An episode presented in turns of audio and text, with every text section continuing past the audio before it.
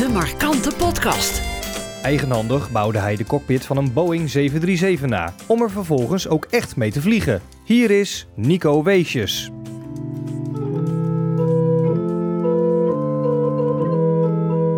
Nou, ik heb een uh, pijporgel gemaakt. Um, omdat ik redelijk handig ben met mijn handen. En, en, ik zoek elke keer weer een nieuwe uitdaging. De prijt 2003 op het, uh, op het orgel, wat betekent dat precies? Ja, 2003 is, um, daar ben ik ermee begonnen. En ik heb er ongeveer een duizend uur aan gewerkt. Maar goed, ik heb hem helaas moeten onderbreken wegens uh, langdurige ziekte. En uiteindelijk is hij toch, uh, toch afgekomen. En toen heb ik met een plaatselijke predikant hebben we een naam verzonnen in het Latijn. Cantate Domino. Staat er ook op? Ja, Zing voor de Heer. Dus dat is een beetje de opdracht die ik aan mijn orgelpijpen heb gegeven. Van, uh, ook als dankbaarheid dat ik uh, toch weer beter mag worden. Toen mijn orgel klaar was, ben ik via een, een, vliegvriend aan een andere hobby begonnen. En dat is mijn, mijn fluitsimulator. Nou, ik ben eigenlijk begonnen aan een cockpit. Uiteindelijk is het, is het geworden wat het nu is. En dat is een, een, een replica van een 737. Maar dan uh, wil ik het ook wel helemaal echt maken zoals het bedoeld is. Dus, alles erop en eraan? Ja, alles erop en eraan. Maar ik ben van origine een houtboer en een cockpit is van aluminium. Maar ik heb alles nagemaakt van MDF en triplex. Je hebt twee computers nodig, in mijn geval, dus wil je het goed laten draaien. Ik heb tien beeldschermen eraan hangen. Ik heb drie beamers, HD-beamers. Dus ja, als je uit de ramen van mijn cockpit kijkt, dan, dan, dan zie je dus ook echt wat een, echt een piloot ziet.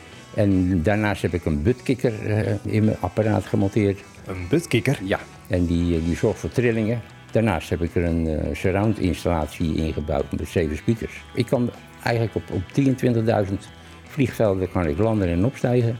In de hele wereld. Ik kan met elk type weer vliegen wat ik wil. Deze is zo natuurgetrouw. Je moet heel goed kijken, wil, wil je zien dat het nep is. We gaan erin. Ja, de motoren zijn gestart. Ik heb hem op baan 06 gezet op Schiphol. De deur van de cockpit staat open, wij kunnen naar binnen. Ja, ja ik, ik weet echt niet wat ik zie. Ja, voor mij is het natuurlijk uh, een vertrouwd beeld. Ik, ik heb hier al natuurlijk zoveel... Uh, ik heb alles zien groeien natuurlijk. Hè. Per, per, elk stukje hout en elk, uh, elk lampje, elk instrument. Ja, ik, ik snap je als leek natuurlijk helemaal geen fluit van. maar jij weet van ieder knopje wat het betekent? Ja, bijna wel. Ja, eigenlijk alles wat die mensen in die cockpit doen, dat doe ik ook. Ik ben dus vandaag even gebombardeerd tot uh, co-piloot. Ja. Maar ik neem aan dat ik niks mag doen, hè? dat ik niet aan de knopjes mag zitten. Ja, jij mag meehelpen. Dan, dan zetten we je stoel eventjes netjes in positie. Op het moment dat wij los zijn van de grond, neem jij die hendel, de gear. En dat is dan, uh, dan gaan de wielen omhoog, dus die moet je omhoog doen, maar dan met een flinke klap. Ik zorg voor de gashendel en, uh, en de stuurknuppel. Want ik weet bij welke snelheid die loskomt. Ik geef nu gas, we gaan nu de lucht in. We hebben nou genoeg gekletst. Kijk eens naar die metertjes. Hoor de motoren loeien. Dan gaan we rollen. Je voelt het trillen in de vloer. Kijk, de snelheidsmeter loopt op. We zitten nu op 100 knopen. Een knoop is 1,6 kilometer, 150. En dan trek ik de stuurknuppel zachtjes naar me toe. Kijk. Dan mag jij de keer omhoog doen, uh, Reinoud. Hoor je de wiel omhoog gaan? En dan moet je opletten als de luiken dichtslaan. Dan krijg je echt een klap in je kont. Voel je het? Ja. We hangen in de lucht. We hangen in de lucht. Ik geef iets gas terug. Dan kunnen we even kijken hoe, hoe Amsterdam eruit ziet van boven. Doe even het neusje naar beneden. Ja, dit is de verkeersorde. Gaat alles volgens plan uh, tot nu toe? Ja, voor de simulatie wel. Maar als ik dit in het echt doe, heb ik een probleem. Want ik zit veel te laag boven de stad. En dat mag dus echt niet. Wat gebeurt er? Nou, dat is jouw fout. Want jij bent vergeten de flaps dicht te doen. Ja, maar jij zou mij een seintje geven. Nou, heb ik je nu een seintje, mag je nu de flaps op nul zetten. We gaan nu weer een beetje omhoog, uh, merk ja, ik. Want als je namelijk uh, te hard gaat vliegen met flaps uit, dan vindt het apparaat niet leuk. Dus er zitten allemaal veiligheidssignaaltjes in uh, ingebakken.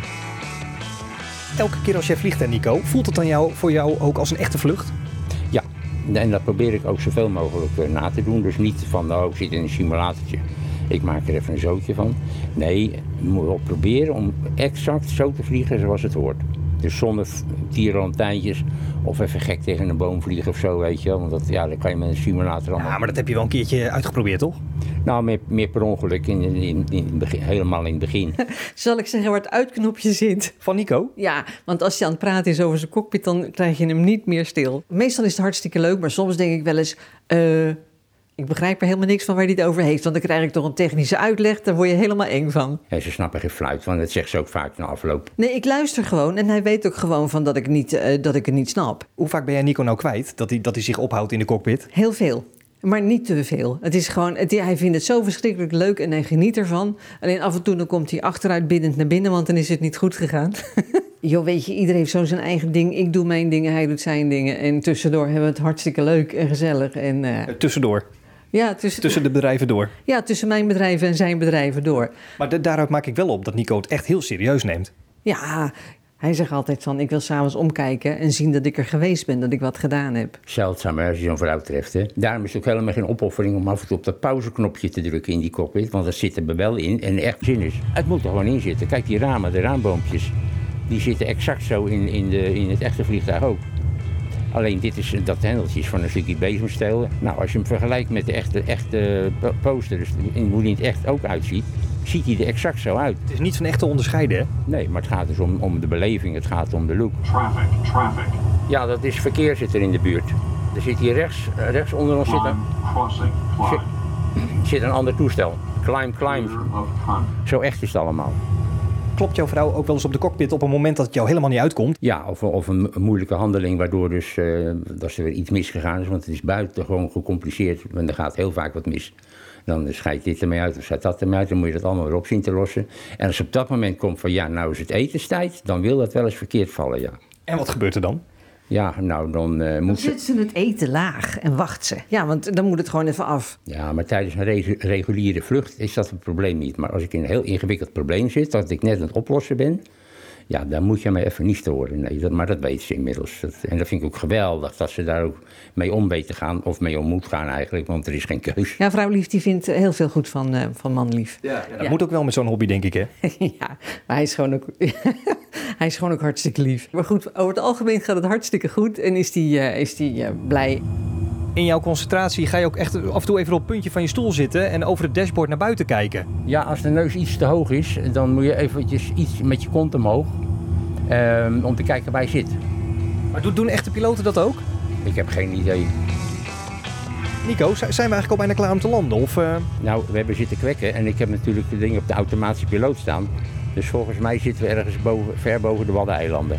Maar wat, wat de grap is en wat ook een echte piloot niet kan doen. Kijk, ik heb hier een, naast het pauzeknopje, daar zit nog een knopje. En als ik daarop druk, dan staat hij stil. Alles wordt zwart. En dan res- reset hij de vlucht waar we begonnen zijn. Normaal gebeurt dit door twee zeer ervaren piloten. En als ik me goed concentreer en ik heb alles goed ingesteld en alles werkt zoals moet, dan eh, zet ik 9 van de 10 keer, eigenlijk nog wel vaker, zet ik hem feilloos aan de grond op.